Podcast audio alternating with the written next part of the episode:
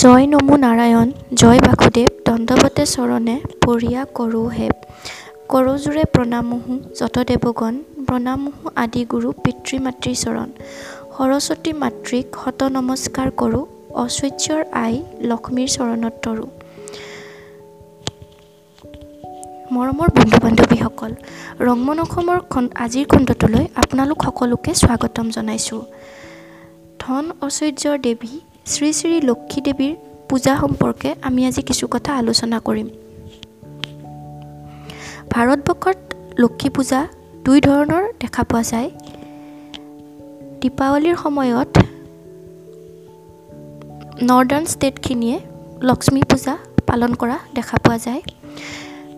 যেতিয়া দীপাৱলীৰ সময়ত ভগৱান শ্ৰীৰাম বনবাসৰ পৰা আহি নিজৰ গৃহ পাইছিলহি অযোধ্যা তেতিয়া লক্ষ্মী পূজা সকলোৱে পালন কৰে। আনহাতে অসম তথা পশ্চিমবংগ আৰু উৰিষ্যাত শৰতৰ পূৰ্ণিমা নিশা লক্ষ্মী পূজা পালন কৰা দেখা পোৱা যায়। দুৰ্গা পূজাৰ সময়ছোৱাতে লক্ষ্মী মাইক লক্ষ্মী পূজা অসমত পালন কৰা হয়। শৰতৰ এই সময়ছোৱা দুৰ্গা পূজা লক্ষী পূজাৰে উৎসৱমুখৰ হৈ পৰে। সকলোৰে মন আনন্দত ভৰি পৰে নহয় জানো? যি নহওক লক্ষী পূজাৰ বিষয়ে আমি আজি কিছু কথা পাতিম। ইয়াৰ নিয়ম সম্পৰ্কে বা কেনেকৈনো অসমত লক্ষ্মী পূজা পালন কৰা হয় সেই বিষয়ে।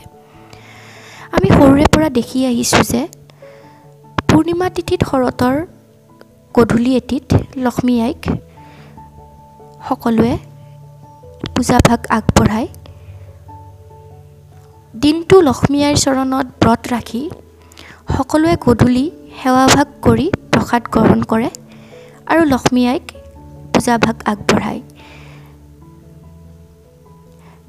চিৰা নালি নাৰিকলেৰে মিহলি এটি মিঠা ব্যঞ্জন তৈয়াৰ কৰি লক্ষ্মী আইক ভোগ হিচাপে আগবঢ়োৱা হয় আৰু এই ভোগ পূজাৰ পিছত ভক্তসকলে প্ৰসাদ হিচাপে গ্ৰহণ কৰে। কৃষকসকলেও লক্ষ্মী আইক যাতে তেওঁলোকৰ খেতি পথাৰত খেতি ভাল হয় তাৰ বাবে অতি শ্ৰদ্ধাৰে লক্ষ্মী আইক প্ৰাৰ্থনা জনায়। এই সময়ছোৱাত বহুতো ভক্তসকলে চাউলৰ গুড়ি আৰু পানীৰে মিহলি এটি পেষ্ট বনাই এটি মিশ্ৰণ তৈয়াৰ কৰে আৰু সেই মিশ্ৰণেৰে আলপনা আঁকি দুৱাৰদলিত লক্ষ্মী আইক আগবঢ়ায় আগবঢ়ায়। দুৱাৰদলিৰ পৰা লক্ষ্মী আইক আগবঢ়াই আনে। ঘটত এটি মাটিৰ ঘটত চাউল দি লক্ষ্মী আইক পূজা কৰা হয় আৰু মাটিৰ চাকি জ্বলাই লক্ষ্মী আইক সেৱাভাগ আগবঢ়ায়। গাঁৱৰ নামঘৰ মন্দিৰতো লক্ষ্মী আইৰ নাম কীৰ্তন কৰি লক্ষ্মী আইক পূজাভাগ আগবঢ়ায় আৰু ঘৰে ঘৰে লক্ষ্মী পাঁচালি সকলোৱে গধূলি পঢ়ি লক্ষ্মী আইক সেৱাভাগ আগবঢ়ায়। বন্ধু বান্ধৱীসকল ঐশ্বৰ্যৰ দেৱী লক্ষ্মী আইক সন্তুষ্ট কৰিবলৈ ভক্তসকলে লক্ষ্মী পাঁচালি পঢ়ে। শ্ৰী শ্ৰী লক্ষ্মী দেৱীৰ পাঁচালি আমাৰ সকলোৰে জ্ঞাত নহয় জানো? এই লক্ষ্মী পাঁচালিৰ বিষয়ে যদি আমি আলো আলোচনা কৰিবলৈ যাওঁ তেন্তে দেখা পোৱা যায় যে এই লক্ষ্মী পাঁচালিত আমাৰ দৈনন্দিন জীৱনৰ যিটো লাইফষ্টাইল আমাৰ ডেইলি লাইফৰ সেইটো কেনেকৈ আমি পালন কৰিব লাগে তাত কিছুমান নিয়ম দিয়া দেখা পোৱা যায়। শ্ৰী শ্ৰী নাৰায়ণে যেতিয়া আই লক্ষ্মীক সোধে যে পৃথিৱীবাসীৰ দুখ দুৰ্গতিৰ কাৰণ কি তেতিয়া আই লক্ষ্মীয়ে কয় যে দৈনন্দিন জীৱনত যিবোৰ নিয়ম নীতি পালন কৰা দৰকাৰ হয়তো পৃথিৱীবাসীয়ে পালন কৰা নাই। আৰু কেনেকুৱা নিয়ম নীতি পালন কৰিলে জীৱনটো সুখ সন্তোষেৰে ভৰি পৰিব সেই কথা লক্ষ্মী আই লক্ষ্মী পাঁচালিত অৱগত কৰে আমাক সকলোকে। এই পাঁচালিখনত কিছুমান সৰু সৰু কথা লেখা আছে যিবোৰ আমি ফ'ল' কৰি দৈনন্দিন জীৱনটো যদি চলাই নিব পাৰোঁ তেতিয়া আমাৰ জীৱনটো ডিচিপ্লিনেৰে ভৰি ভৰি পৰিব। এইখন অকল ধৰ্মৰ বুলিয়ে নহয় এখন ডিচিপ্লিনেৰী বুক হিচাপেও আমি ল'ব পাৰোঁ যিটোৱে আমাক ডেইলি লাইফত ডিচিপ্লিন মেইনটেইন হোৱাত সহায় কৰিব। লক্ষ্মী পাঁচালীখনত ৰাতিপুৱা শুই উঠি গা ধোৱাৰ পৰা আদি কৰি বাঁহী মুখ নোধোৱাকৈ যে খাদ্য গ্ৰহণ কৰিব নালাগে সেইবোৰ উল্লেখ আছে। সেইবোৰ অকল ধৰ্মীয় কাৰণেই নহয় তাত কিছুমান স্বাস্থ্য সম্বন্ধেও কাৰণ থাকিব পাৰে নহয় জানো? ৰাতিপুৱা শুই উঠি গা ধুই মুখ হাত ধুই আহাৰ গ্ৰহণ কৰাটো আমাৰ সকলোৰে স্বাস্থ্যৰ বাবে ভাল নহয় জানো?